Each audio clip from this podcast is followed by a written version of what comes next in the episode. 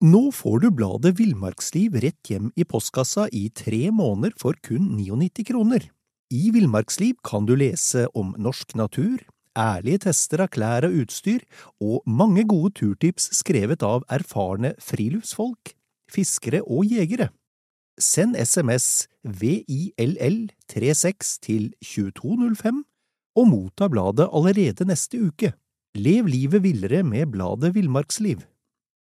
Millions of people have lost weight with personalized plans from Noom, like Evan, who can't stand salads and still lost 50 pounds. Salads, generally, for most people, are the easy button, right? For me, that wasn't an option. I never really was a salad guy. That's just not who I am. But Noom worked for me. Get your personalized plan today at Noom.com. Real Noom user compensated to provide their story. In four weeks, the typical Noom user can expect to lose one to two pounds per week. Individual results may vary.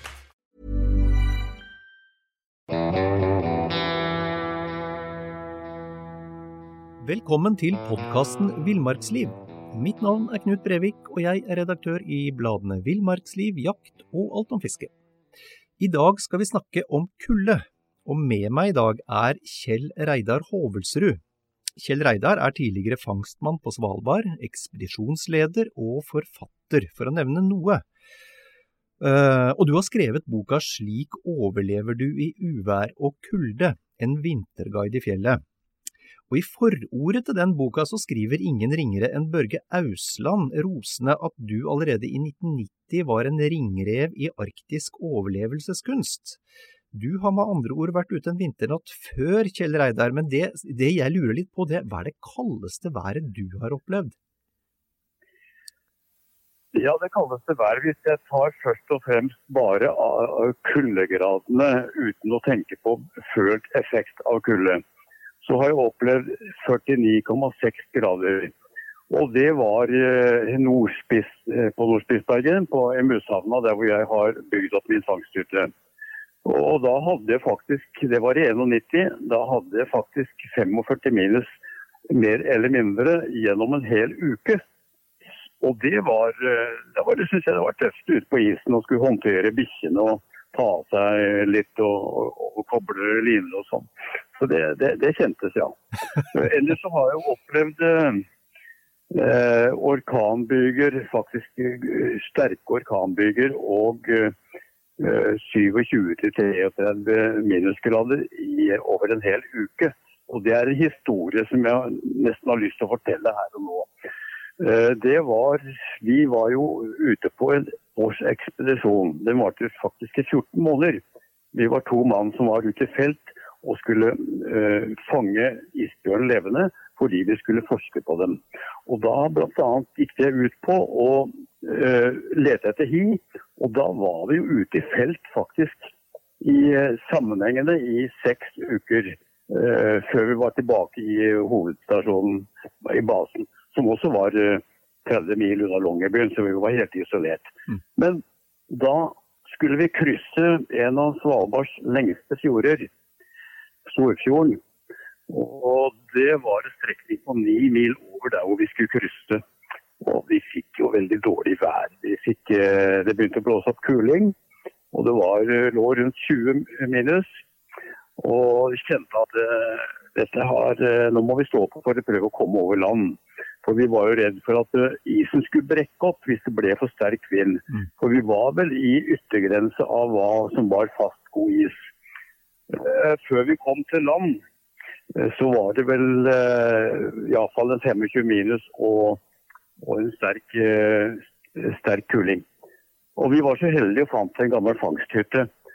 Og en gammel fangsthytte på Svalbard, det er faktisk en planke fjølbu med tjærepapp på, som er bygd over et reisverk. Ja. Så det er ikke rare greiene. Men det er for å holde ut en dag eller to, eller korte perioder. Ja i spesielt i dårlig vær. For, uh, og det var, vi kom i hus, vi kom inn i hytta og fikk parkert bikkjene på utsida. Og da var det faktisk uh, var, I løpet av noen timer så var den, uh, den kulingen den var blitt til en sterk storm. Og det utvikla seg til orkan De prøvde å, å bruke en sånn propellmåler på, på vind, vindhastigheten. Og når den passerte 32,6 sekundmeter, som er orkanstyrken, så forsvant jo alle disse propellene. Da var det bare at dette her gikk opp i en uh, mellom 40 og 50 sekundmeter. Jeg vil anta iallfall uh, noe sånt noe. Det fikk jo ikke vi målt, men vi kjente jo dette hytta skake og rista hele tiden. Ja, for, Bare for å si det, Kjell Reidar. altså Orkanstyrke, det er vær som river tak av hus? Ja, ja da. Det er, eh, det er det. Men disse gamle fangsthyttene var bygd for å tåle akkurat dette. Det var ikke noe kanter og utspring på det. Det var, det var liksom lukket som en uh, liten boble. Men dette var, jo, dette var, jo, faktisk første gang jeg opplevde det som eskimoene kaller Unnskyld, inuittene heter det i dag. Peterak kalles dette. Det er fallvinder som kommer med kald luft ifra breplatåene og får en, uh, får en, en sånn effekt ned i, i, ned i dalene. Og den kom mot oss. Og det er jo forferdelig vind. Også. Mm. Og det var jo det vi fant ut etterpå, det var at det var jo De kjente jo at det var knyttenevestore steiner som slo og banket inn i hytteveggen. Mm. Som kom ifra Barribba, fjellet bak oss. For det var ikke noe snø igjen. Alt ble bare blåst bort. Mm. Og disse stakkars hundene som løp ut siden der, da. De, eh, de, måtte jo bare ligge der. Jeg klarte ikke å gå ut og fòre dem engang. Jeg prøvde, gjorde forsøk på det. Og bandt da line rundt livet mitt og inni det bislaget en uh, liten forgang i, til hytta. Eh, rundt en stolpe der. Det var en line som var mellom 10 og 15 meter lang. Og jeg prøvde å få meg der. Jeg syntes synd på disse stakkars dyra mine. Ja. At de ikke fikk mat etter tredje døgnet, måtte jeg prøve ut. Men det jeg opplevde da var, Jeg hadde jo på meg en dobbel sånn ullmaske, malaklava, mm. og vindmaske utenpå. Og når jeg kom ut, ut, utenfor døra der, så var det faktisk som at jeg ikke fikk puste. Det var akkurat det brant inni lungene. Og jeg ble vet, løftet opp i været og kjente ingenting før jeg bare rykket i lina i livet mitt. Oi, og maten forsvant jo bare pokker i vold. Det var jo borte vekk på et plunk. Mm. Så det var jo et forsøk på å, å fôre disse stakkars uh, grønlandshundene. Ja. Men det var bare å, hadde jeg ikke hatt line, så hadde jeg aldri klart å finne hytta igjen. Det var jo snøføyke som gikk iallfall tre meter i høyden. Det tok jo med seg alt som var av snø på bakken. Det var akkurat som. Sommerlig å se når endelig dette her var over. Men det tok jo fem døgn da, mm. før alt var over. Og... Men jeg kom meg tilbake. Og det som var så ekstremt Jeg tenkte på, jeg har jo hatt grønlandshund. Jeg vokste opp med det da jeg var ti år. Og første grønlandshund. Og, men hvor hardføre de er, det ante jeg ingenting før jeg fikk oppleve en sånn uh, pitterakk, rett og slett. Altså. Det er jo ikke så mange steder du opplever pitterakk. Da var den eh, femte dagen gikk jeg ut og så at eh, hundene lå jo innkapslet i is. Og det var, jeg tror de var døde alle sammen. Ja. Så jeg måtte ta baksiden på øksa og, og, og slå løs isen. Da så jeg det kom en snute opp og prøvde å kikke på meg sånn litt grått opp. Og jeg trodde det var eneste en av bikkjene jeg gikk borti, ja. at den var uh, ferdig. Men de levde. Og etterpå måtte jeg inn i ta det mine lille, trange hytta og tinne dem opp. Få ut isen. Så det er det verste. Det var mellom 27 og 33 grader. Og hvor mange sekundmeter det var, det kan vi jo bare ane. Ja. Men eh, sånne tiltrakk går for å kan være oppe i dobbelt styrke av orkanen. Det er jo det, det, er det, verste jeg har opplevd, det må jeg si. Ja, Det hørtes brutalt ut. Men, men det jeg skulle til å si, det Og bikkjene overlevde, og, og, dere overlevde, men, men den type vær, Kjell Reidar, hvis du ikke har et krypinn, da, da er du ille ute? Nei, vi tenker jo på det. Hadde vi fått det været ute i isen, så hadde vi ikke hatt sjans i det hele tatt. Selv om vi kunne ha krabbet ned i soveposen og prøvd å finne le eller prøvd å grave oss inn et eller annet sted hvor det var noe snø, så hadde jo dette bare blitt blåst bort. Ja. Og det viste seg jo når vi skulle tilbake den veien senere, vi var jo ute i fem eller seks uker på den ekspedisjonen da, som var en biekspedisjon av selve overvintringen. Eh, for vi var jo bare for lette etter hi. så hadde vi ikke hatt noen sjanse. Men isen var brekt opp der hvor vi passerte eh, etter den stormen. Akkurat. Da hadde vi kunnet havne på et flak og bare eh, håpe at vi frøs i hjel fortest mulig. Mm. Det er det som hadde, så vi hadde ikke hatt sjans. Det, det hadde vi konstatert. Og Tor Larsen, som var eh, biolog, marinbiolog, og meg som var på den turen. Jeg var jo hans assistent på hele det året. Og det, den legendariske isbjørnforskeren Tor Larsen. Ja da, Ja. det gikk på i mange år. Du, ehm, eh, dette er jo en ekstremopplevelse, opplevelse men det jeg skulle sånn, sånn helt generelt, uh, Kjell Reidar, nå, nå jeg sitter og kikker litt på boka di, slik overlever du uvær og kulde, hva, hva er, uh, altså hvor er vi mest sårbare i forhold til kulda? Det er jo de, kan si ansiktet, hender, føtter. Altså det er om å gjøre å pakke på og kle seg godt både i hals og, og ansikt. dekker til det som er, som er eh, åpent for vind. Mm. Og så er det selvfølgelig der vi har dårlig blodsirkulasjon, det er jo i, på hender og føtter. Ja. Det er jo det vi må prøve å ta vare på så godt vi kan. Og, og det, årsaken til at det er dårlig blodsirkulasjon i, i hender og føtter, det, det er vel at det er, lite, det er lite muskler til å skape varme der? Ja, det, det er klart. Det, det årenettet der er så tynt også. Mm. Men eh, du må jo alltid ha med, ha med ekstra ekstra utstyr, ekstra votter og alt må, må gå på ull. Vanter og, og votter. Det går på ull. Og så må man ja, selvfølgelig også ha eh, pulsvarmere. Ja, ja. Som, som dekker håndleddet, for der, der er det veldig varmetap kan være. Altså. Mm, mm. Og så har vi eh, naturligvis eh, hodet, som du har vært inne på. Eh, Ja, ja, hodet selvfølgelig. Det må jo bare dekkes til. da. Mm. Med alt han kan, kan finne på. Og en sånn balaklava-lue som vi hadde den gangen, det er tjukt, veldig tjukt eh, Det er nesten ja, tettvevd eh, ullstoff. da. Mm. Og de måtte vi bare snu motsatt vei og så lage noen små hull der hvor egentlig skal være nakken, for å, for å se ut. Det kun det vi måtte ha, og dekke for lese og alt som var. Vi hadde jo lesebeskyttere, var jo, var jo vi fikk luftingen ut. Så det frøs jo fast. eh, Det ble en del over- overflateforfrysninger, det ble det jo. som det var så ekstremt. Men la oss, la oss snakke litt om, om holdt jeg på å si, eh, altså resultatene av, av kulde. Hva, hva er tegna på, på, på nedkjøling og, og frostskader? Altså, hvordan, hvordan ser du det, eller hvordan legger du merke til det?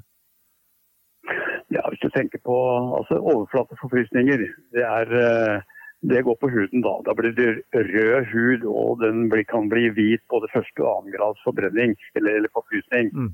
Da er, eh, er overflaten det går på. Eh, Når du kommer ned på tredje grad eller annen grad, så kan du bli blemmer etter en tid òg. Men det er jo ikke noe farlig. Første og annen grad er jo, er, hvis det ikke utvikler seg, så er jo ikke det noe farlig egentlig for frysningen, men det er ubehagelig. Det svir jo er sårt, Mm. og du kan miste litt av den ytre huden. Mm. Men kommer de ned på tredje, eventuelt fjerdegradsforbrenning, så går det jo inn på, gjennom hud og går inn på muskelvev og sener. Og det er jo farlig, for da, da, kan, da mister du blodsirkulasjonen, og da kan du rett og slett uh, få, få risikere en amputasjon. Altså at, at du, vevet blir dødt. Og jeg opplevde å få en tommel som forfrøs Nei, tommel, en, stortå som forfrøs seg. Mm. Og den ble blå, blå, og det er jo noe med forkjøre Og det klarte jeg å berge, men det var ute i felt. Men jeg mistet bare neglen. Så toa har jeg fortsatt i behold. Men eh, det er, det er sånn opplevelse som man eh, må regne med et eller annet når man er ute i felt i, i mange år og driver og jobber med sånt. Klart. Men du, de, de første og annengrads uh, frostskadene er vel det som er mest, mest relevant for, eh, for folk sånn til, til, til, til, daglig eller til vanlig. Um, hva, hva skal du gjøre da, hvis du ser at huden hva, hva, begynner å bli hvit, eller eh, du begynner å få blemmer? Vel bare å Jeg vet ikke, jeg, altså, jeg bare dekte til. Jeg. har ikke hatt noen annen oppskrift på det. Nei, nei. Uh, men det er bare å beskytte det så det ikke går noe vi- videre. Uh, går sikkert an å smøre det inn med noe salve for at ikke huden skal sprekke. For når du kommer på annengradsforbrenning eller forfrysning, så er det jo uh, så vil huden kunne sprekke, bli hard. Og da går det på at blodsirkulasjonen gir for dårlig gjennomstrømning akkurat de, de punktene. da. Mm. Er dekke til og, og eventuelt smøre med noe salve. Men du, eh, litt, litt, mer alvorlig er jo, er jo hypotermi, eller nedkjøling. Hvor, hvor, hele, hvor, hele, systemet eh, kjøles ned. Hva, hva, hva, skjer da, og hvordan ser du at det skjer hos en kompis eller hos deg selv? Ja, det er et godt spørsmål. Og, og hvordan jeg kan besvare på det, det er vel for, for å fortelle en historie. For eh, vi var på en av sleturene eh, i løpet av vinteren. Det har begynt å bli våres, og det var en som ville være med. Vi kom innom et sted på, på ferden vår eh, hvor det var en som ville, ville, ville, bodde på en hytte og ville gjerne være med på en tur. Og han, han var hollender.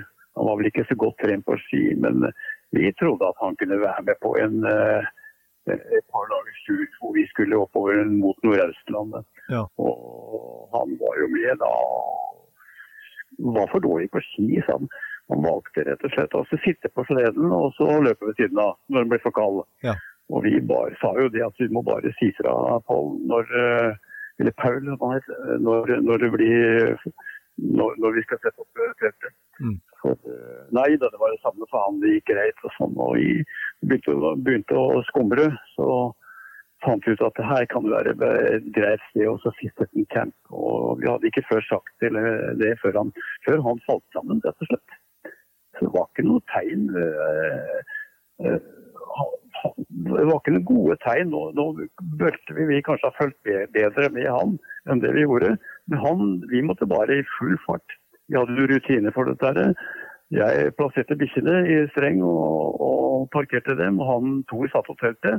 Og vi fikk jo måtte bære han Paul inn i teltet. Ja, For han kollapsa? han kollapsa. Mm. Kollapsa, rett og slett. Og da, da, når du kommer ned i 35 grader kroppstemperatur, så, så oppstår det som heter hypotermi. Og det er jo da, da begynner kroppen å kompensere eh, kuldetapet ved å skjelve. Så muskulaturen begynner å sette i gang en skjelveprosess. Og det er for å kompensere akkurat dette. her. Og han han skaket jo sånn. Det var ikke mulig å få i ham noe, noe drikke eller noe mat. Ingenting. På to timer. Vi masserte han så innstendig for å, for å få varmen i kroppen. Og så kunne hun ikke snakke. Nei. Kunne ikke drikke en kopp med noen ting. Så det var en skummel episode. altså. Ja, det var ubehagelig å oppleve. Det var stor kar på en, over 1,90 tror jeg. En stor klatrekar. Og, så det var en, og det var eh, kroppsnedkjøling. Når det går for langt, så er det du er ikke i stand til å kunne opprettholde varmen eller, uten at det kommer gradvis inn til oppvarming igjen. Da er du avhengig av hjelp, rett og slett? Ja, du er det. altså. Du er det. Kommer så langt, så er jo det. Men, men jeg tenker Hvis du ikke klarer, ja. ikke klarer å komme deg inn i et hus her eller et sted hvor det er temperert. Mm, mm. Men var det han, den, den nederlandske nederlandske mannen. Altså, hadde han kledd seg for dårlig, eller var, hadde han vært for lite aktiv? Hva var det som var årsaken, tror du? Nei, ja. Nei han, han altså, disse hadde jo skulle overvintre og hadde ikke forutsetninger for å, i, i en stor grad. De skulle prøve å drive litt forskning, mm. men det, de, de, de, fikk jo uh, mørketidsskrekk brakkesyke. Så de ble liggende inne, var nesten aldri ute. Det er klart, Du får ikke trent muskulaturen til å føre eh, til å, være, til å fungere som det skal. da. Mm. Og blodsirkulasjon blir jo deretter. og da det er ikke bare, Du klarer ikke, orker ikke å holde varme. Det, for du har, du ikke, har ikke muskulatur eh, nok til, til å bevege deg godt nok. Så det var noe sånt som skjedde. Akkurat. akkurat. Du, vi har jo vært litt innom det, men, men, eh, jeg har lyst til at vi skal snakke litt om, om bekledning ja, i kulda. Fra innerst til ytterst. Ja. Eh, både, både, materialer og, eh, og, og, type tøy. Hva, hva, tenker du hvis vi starter innerst med undertøyet? Hva slags ja, materialer? Ja, skal vi gå tilbake og se og tenke på hvordan de gamle gutta gjorde det, det som vi er kjent med ekspedisjoner og sånn, det var jo selvfølgelig Den prøvde å lære eskimoene, mm. og det var jo topp, det. For det var jo det var tettvevd. Og de brukte ull, eller brukte skinn hår inn og hår ut. Eh, sånn som både Amundsen og Nansen prøvde å lære mest mulig av det. Men eh, moderne ekspedisjoner bruker ull. Og da er det merino-ull som er, er, et godt gjennomtenkt og godt produkt. Det lages i forskjellige tjukkelser òg. Og det er jo det, er det som fungerer innerst best. Mm. Og Så er det bare å kle seg med flere lag med ull. Inntil du kommer til uh, kommer til ytterkledning, selvfølgelig. Mm. En tjukk, god genser og så en ytterkledning. Og det er jo ganske tettvedd bomull. Eh, er jo det som stort sett blir, blir brukt i dag. da, Med enten borrelås og, glidelås i kombinasjon, som en sånn uh, jakkelignende sak, eller rene anorakker. Og de må være store. De må være så store at du får luftsirkulasjon under. Ellers blir det bare gående som en sånn svetteklump. Og Det er jo poenget å unngå i svette minst mulig. Unngå fuktighet, for da blir du kald i løpet av en tid. Ja, for det du, du har. Ja. For det du sier der, ja. Kjell Reidar, det, det, er jo, er jo kjempeviktig. Det her med de, altså det isolerende luftlaget mellom de ulike plagga. Eh, og, og, det setter litt krav til at du skal ha romslig, romslig tøy. Ja. ja. det er helt klart. Det, det, det er viktig. altså. Og Eh, en dyr jakke har gode finesser og gode løsninger.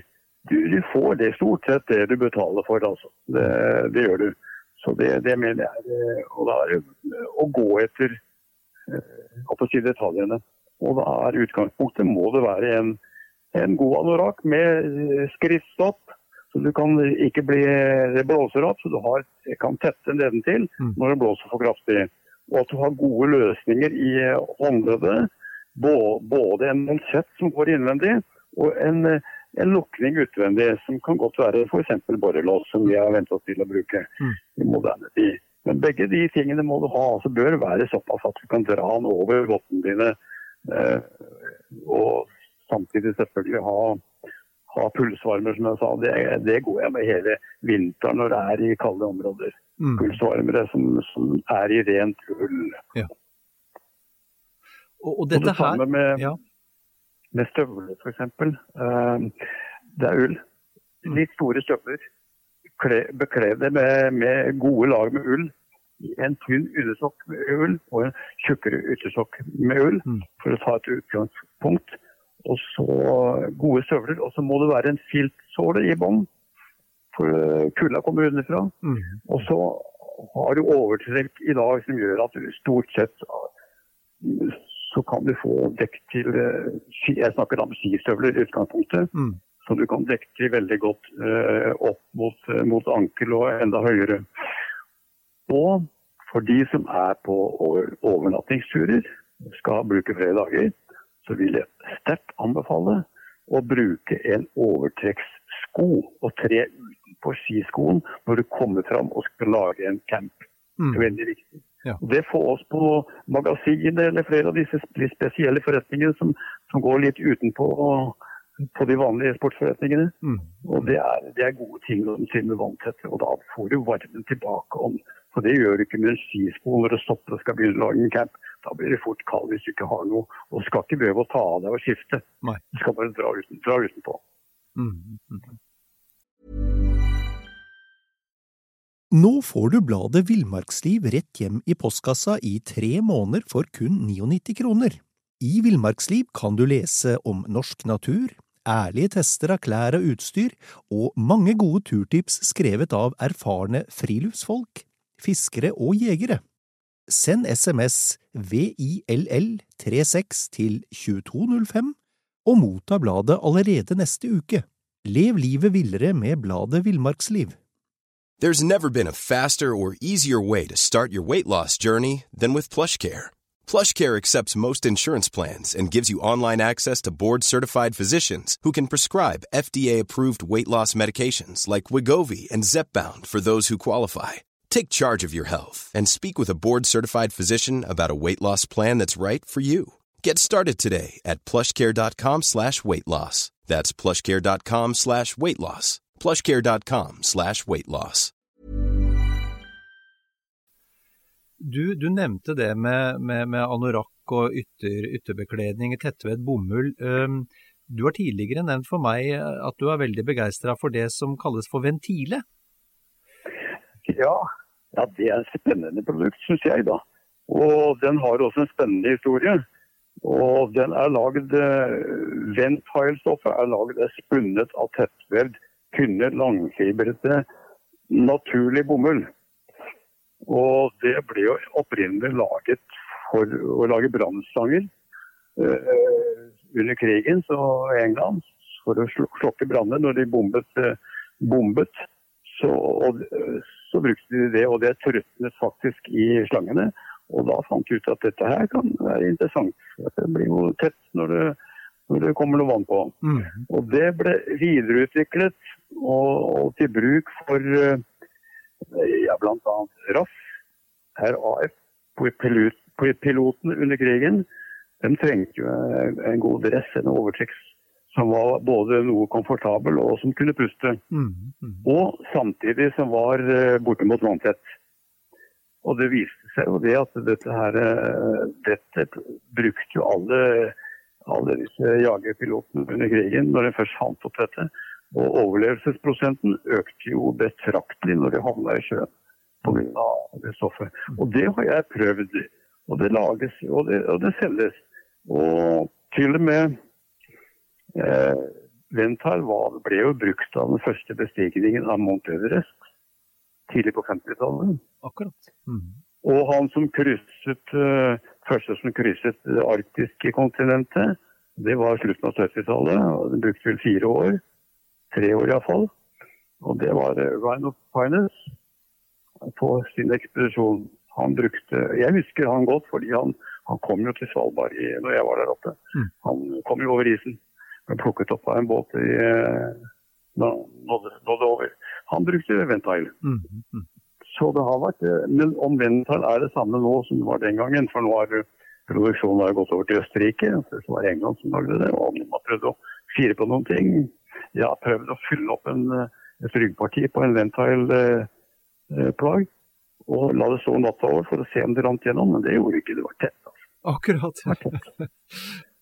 Ja, og I motsetning til uh, Cortex uh, sier at det er pustende, men det krever jo at du har et godt trykk innifra mm. for å komme gjennom fibrene. Og det er jo ikke 100 vanntett, det, det. Så, så jeg, jeg, er ikke noe glad i det. blir for tett. Jeg blir for varm og for svettende i en uh, Gore-Tex. Så jeg, jeg sverger til bomull. Mm. Ja, for det du nevner der er vel også et viktig poeng, Kjell Reidar. Det med å, å, regulere holdt jeg på å si, regulere varmen litt med, med bekledningen? Veldig viktig. Veldig viktig.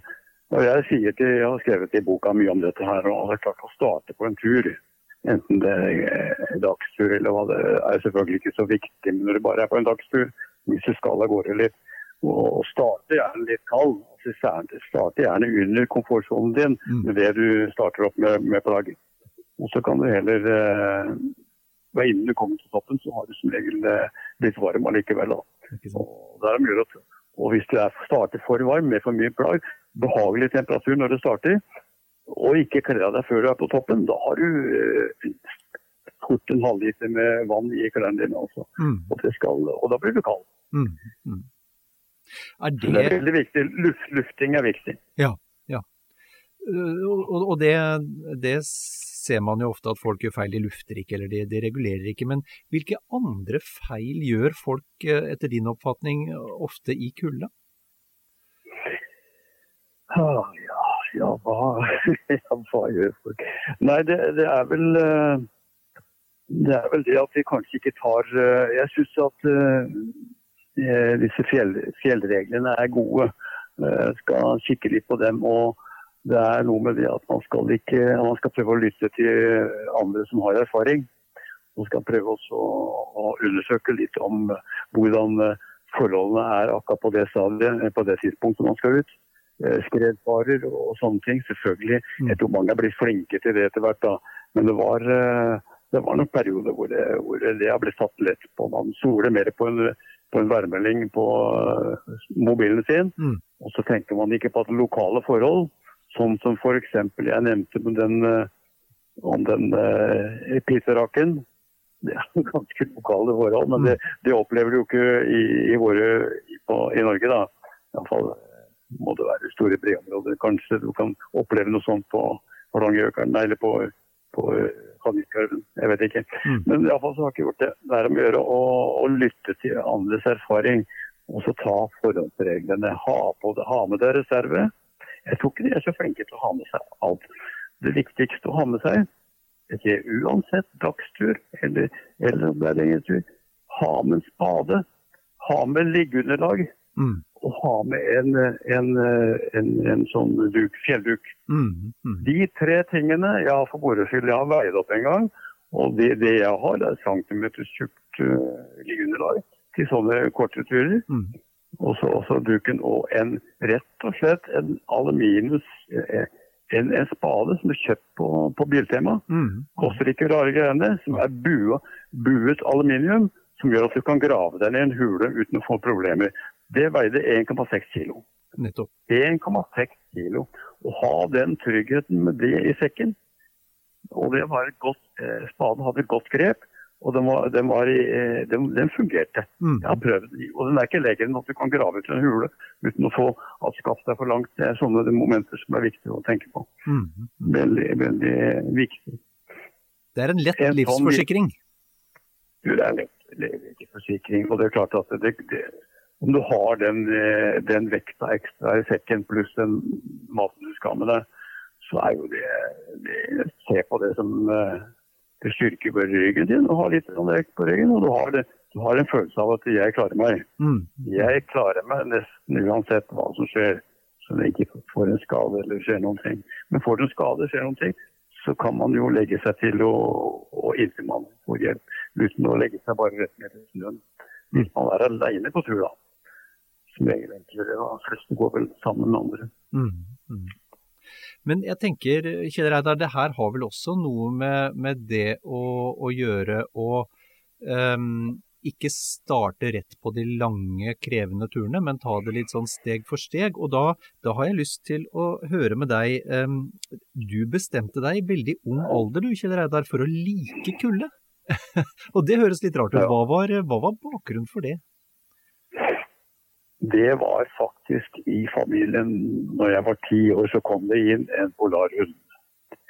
Og det ble til hvert flere. Men uh, jeg fikk ansvaret for den når jeg var eh, ti-elleve år. Mm. Og så fant jeg ut at i Bærum, der jeg vokste opp, var det faktisk en aktiv hundeklubb. Trekkhundklubb. Og hvor det var uh, bikkjer som var kommet fra polarekspedisjonen, som var plassert ut. Og en av de var, eh, fikk jeg tak i etter hvert, og det ble flere. Og Det var utgangspunktet for at jeg begynte med eh, fikk dilla på vinterlivet. da. Ja. Og Da var det jo om å gjøre. Om å gjøre.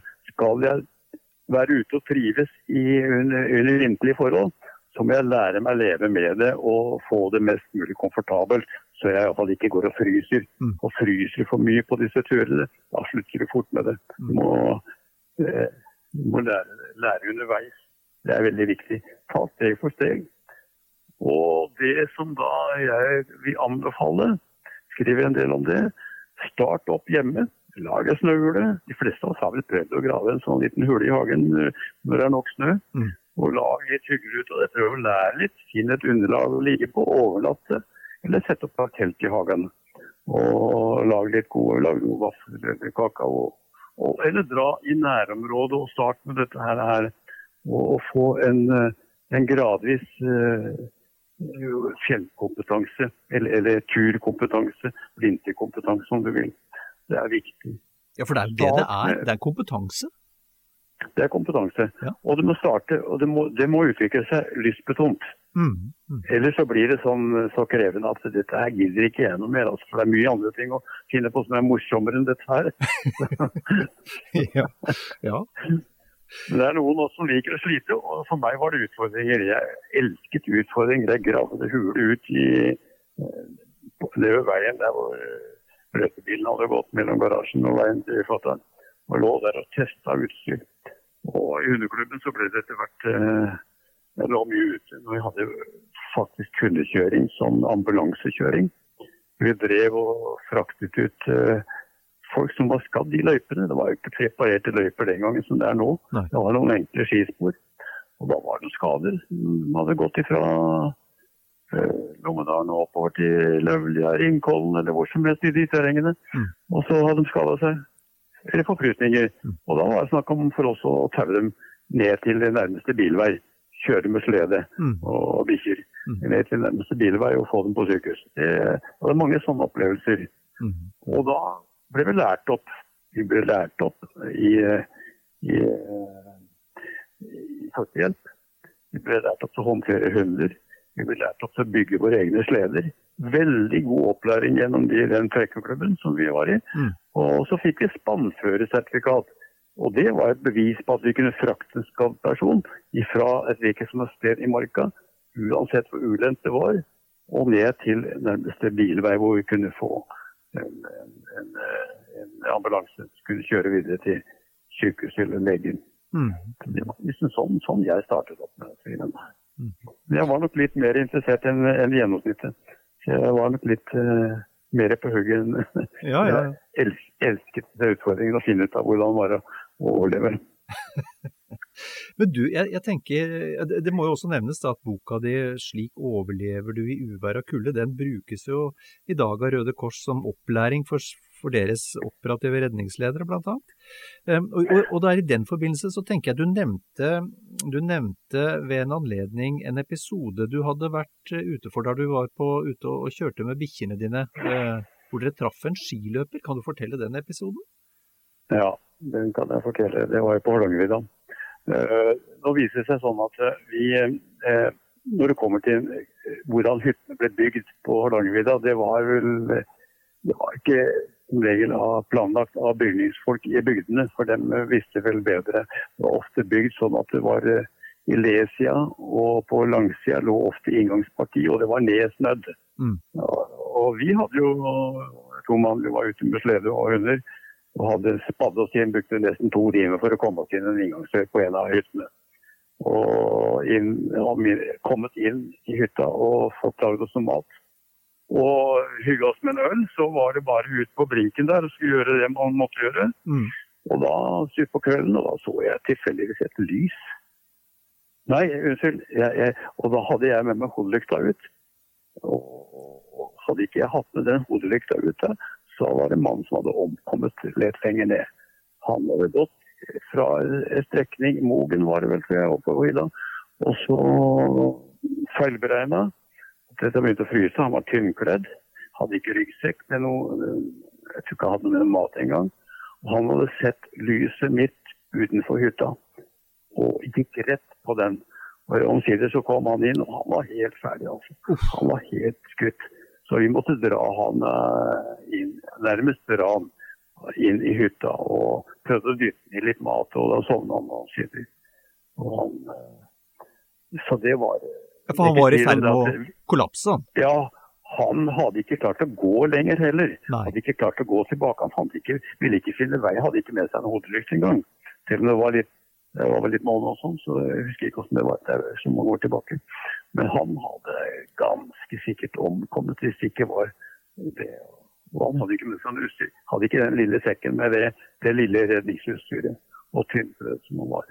Så det var en, eh, et episode jeg husker veldig godt. Men hva sa han neste morgen da? Altså, hvordan forklar... Jeg skal, jeg skal fortelle deg det. Det var nesten flaut på hans vegne. Da. Veldig flaut på hans vegne. Han følte seg at dette var det verste han hadde opplevd, så han forsvant ut av hytta før vi hadde stått opp. Mm. Bare forsvant. Jo. Det sa vel kanskje litt mer om han enn enn ellers. Han skamma seg, med andre ord. Ja, skamma seg. Jeg kan ikke se noen annen grunn til at han gjorde det. For, han ble jo nesten båret i huset, ikke sant. Men han hadde kommet, kommet seg etter en seks-sju timer i senga da. Og da var det jo lyst, så da ville han finne veien. Men han dro bare av gårde. Eller kanskje det var for at han ikke hadde lyst til å vekke oss. Jeg skal ikke si verken hverken det ene eller det andre, men det var litt merkelig da. Du, øhm, en annen ting jeg har lyst til å snakke litt om, Kjell Reidar, når, øh, det, er, øh, det er dette med hva, hva vi har å lære av urbefolkning i arktiske strøk. De, Ja. de kan en del om dette, og de vet jeg du har vært veldig opptatt av å, å lære av. Ja. Ja. Det er veldig mye vi kan lære av dem. Og det er, det er vel spørsmål om tilvenning og tilpasning til et miljø. Og de er jo vokst opp med det. De lærte fra bunnen av at de skal uh, De ser på snøen uh, som et viktig element. De kan ikke leve uten snø og is, for det er jo der dyra de skal fange, er. Så det må jo bare tilpasse seg og gjøre det beste ut av det. Og, og lære å leve komfortabelt. Da bruker de jo skinnklær og veldig ofte. De brukte jo uh, Eskimoene, eller inuittene, da, de brukte jo veldig mye reinskinn eller selskinn. Mm. Alt etter sånn. Så, så, det var mye å kle seg riktig. Og så var det Du kan se på inuittene. Det er ingen av dem som er skinnmagre. Som regel iallfall ikke. For det er viktig å ha et jeg har sitt fettlag på kroppen. Mm. For det motstår kulde. Og det er, det er energi. Vi menneskene har jo både hvitt fett og brunt fett. Mm. Eskimoene har mer brunt fett. Og det er energi som gir effekt når du kommer til et visst lavere stadium på kroppstemperaturen, mm. som, som, gir effekt da. I motsetning til det hvite fettet som er energi når du bruker kroppen. Mm. Og det viser seg at eskimoene i stor grad Jeg bruker eskimoene, jeg. jeg sier det, jeg er vant til det. Selv om det i dag skal det jo hete inuitter alt. Men det får nå så være. Jeg, jeg, jeg, tror vi overlever den. ja, jeg gjør nok det. Nei, altså, og, og dem, er, dem, kan fungere. Og dem, hvis det ikke hadde vært kulde, så hadde ikke det, så hadde det ikke vært eh, sel på isen. Og når det er kulde, så plutselig kommer det til en råk, og neste dag så kan du sikkert kjøre over, for da kan det være isen har lagt seg. Og igroen fungerer når det er kulde. Bygger en iglo. Og, og, når varmen kommer og den smelter, da kan man verken uh, har du ikke lett å finne noe bolig ute i, ute i isen. Mm. Og, og, det blir sørpete på, på, isen. Du kan nesten ikke gå og bevege deg. Kan ikke, kjøre, kan ikke ro en, eller bruke kajakk. Mm. Så det er uh, snøen, isen og alle dyra da. Ville ikke klart seg uten, uh, uten snø mm. som lever ute. Så eskimoene har lært av uh, hvordan dyra skal oppføre seg. Både med jaktteknikk og med det å overleve. Og å være godt skodd, ha godt Gjerne bygge seg opp litt uh, fett på kroppen. Mm. Da tåler de kulda mye mer. Og så er de trent for dette her. Så det er my mye, mange ting jeg kunne sagt som man kan lære av Timon. Vi har innstilling til at dette her er flott, det er hyggelig. Og det er viktig, og det er det vi skal leve av og med og gi. For det du, det, altså Bortsett fra dette med skinn, da, som jo er fantastisk varme, gode plagg eh, og isolerende plagg. Eh, så det du sier nå, Kjell Reidar, er jo, det er jo den samme motivasjonen som du i sin tid hadde. da, at man, altså Det er et holdningsspørsmål. Man skal like snøen, man skal like kulda og se mulighetene. Man lærer å like den. Mm. Mm. Ja. Det er om å gjøre å Ja, du Læring gjør mester. Man skal lære å feile. Mm, mm. Tror du ja. det er um... learn, learn, it by doing it. Ja. Ikke det de kaller det. Ja, ja, ja. Eh, til din oppfatning, som jo har, eh, har, tilbrakt mye tid i både fjellet i Norge og, og under røffe forhold på, på, Svalbard og i Arktis, er det mulig til en viss grad å venne seg til, eller trene seg til å tåle kulde? Eh, det tror jeg vel er eh, flere momenter på det òg, men jeg tror det er snakk om, er snakk om uh, smertegrenser også. Noen blir ute av seg bare de kjenner litt kulde kommer krypende. Og andre tåler mye mer, venner seg til det. Og du har jo det sammenheng med at du må, du må være litt trent. For den som ikke er trent, den klarer ikke å bruke kroppen når han, når han uh, begynner å fryse. Nei. Da har han kanskje gått seg tom. Ja. Mens en annen som er trent, han kan gå i ring hele natta. Mm, mm. Sånn, holde varmen, klare å holde det gående. Det er, det er forskjell. Og så er det det å, å, som vi har vært inne på, det å spise seg opp litt. Mm. Alle ekspedisjonsfolk i dag som skal ut i, i vinterlige ting, eller polare ting, legger på seg noen kilo for å mm. ha noe å gå på. For de klarer ikke å å få kalorier nok i forhold til forbruket. Det er også et veldig viktig poeng. der. Altså, så er det selvfølgelig den uh, bekledningen. Men det å venne seg til kulde, Ja, det er sånn. Det er jo grenser for uh, hva, hva man kan venne seg til av sånne ting. Mm. Man, no, vi, men vi har litt forskjellige terskler, Mm. det er klart. Mm. mhm. Veldig, veldig spennende. Um, jeg har lyst til å ta en liten ting. Jeg Ja. tenker på uh, For uh, det som er litt viktig når man skal ut på tur Aldri sur. Nei, det var ikke det jeg tenkte på nå. Eh, Selvfølgelig er jeg motivert for å gjøre en tur. Men det som er viktig, det er å ikke prøve å stole på at du har med GPS i mobilen f.eks. At alt dette funker som det skal. Ha alltid med et kompass. mhm. Og, og, og lære å bruke det. Det er veldig enkelt å bruke, egentlig. altså. Har du kompasset, så har Og du får, du får whiteout, blindføre, som jeg kaller det. Mm. Så, så, så har du altså en mulighet. Det er ikke alltid du kan og, og, og hva skal du da gjøre om du ringer, ringer til den eller den og spør jeg vet ikke hvor jeg er. Jo, det står på GPS-en her, der og der. Men det er, ingen, det er ikke engang et helikopter som kan komme ned og redde deg hvis det er føyka så rundt og ikke ser noen ting. Så hvis det skjer noen ting, er det veldig viktig. Og legg merke til terrenget når du går ute. Mm. Prøv å se detaljer. Hvor er det skredfare? Jeg skriver en del om, om, om, om skredfare i boka òg. Mm. Og, og følge med de tingene. Og ikke stol på at det der hvor det er gått spor før, at det der kan jeg også gå. Og se, legg merke til at der jeg passerte for en uh, halvtime siden, der var det svært. Mm. Så hvis det plutselig skulle skje noe i letiden og i uh, bekkeleier eller i bak svære steiner, så kan det være bygd seg opp mye snø. Og det er steder hvor hvis vi skulle komme til kort, er steder det går an å, å, å grave seg inn og holde, holde seg i i ro i dårlig vær, inntil eventuelt du kan få noe ytre eh, bistand og for å få mer hjelp. Mm. Og en annen ting, det er kameraten din som kan, er første som kan hjelpe deg hvis det skjer noe. Eller, eller vennene dine.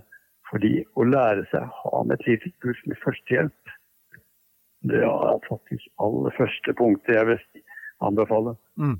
Kunne litt av førstehjelp. Ikke tro at helikopteret kommer ned rundt hjørnet hvis du klarer å få kontakt på en, hvis det er forhold med mobilen, hvis det er et brekkbein det er snakk om eller noen ting.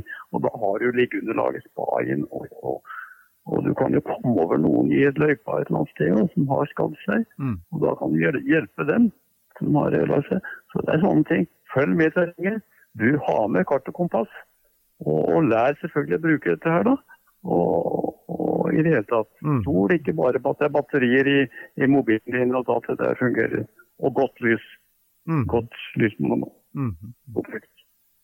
Det kan vel oppsummeres um, Kjell Reidar, til, å være- til å være forberedt? Være forberedt, ja. Mm. Plan. Det handler om planlegging. Ja. Det er utgangspunktet. Veldig, veldig Ja, spennende. Um, jeg lurer på, uh, den, den, er jo ikke, den er jo ikke salg overalt, den boka di, men hvor er det, hvis man ønsker å kjøpe boka 'Slik overlever du i uvær og kulde', hva, hvor er det de skal lete hen da? Eh, Det går an å kontakte meg på e-post, som er forkortelse av Kjell Reidar, som jeg heter. Altså KJ Reid. Ja. Alfakrøllånden.no. Ja. Eller direkte på telefon på mitt navn. Og så har jeg en hjemmeside der det står om andre bøker også, som jeg har skrevet. Ja. Og hvor, der, hvor jeg har en direkte kontakt. Det er svalbardpolarliv.com. Mm. Svalbardpolarliv.com. Det burde være greit. Da har jeg enda eh, et par kasser med bøker. Men det er jeg en, eneste som selger bøker nå, så det går ganske fort ut. Ja, ja, ja. Eh, Bokhandlene tror jeg er tomme overalt. Det er et godt tegn. Um, Kjell Reidar, eh, nå føler jeg meg mye bedre rusta til å takle kulde. Tusen hjertelig Ja, takk for er bra. en god prat. Ja, I like måte. Det var hyggelig.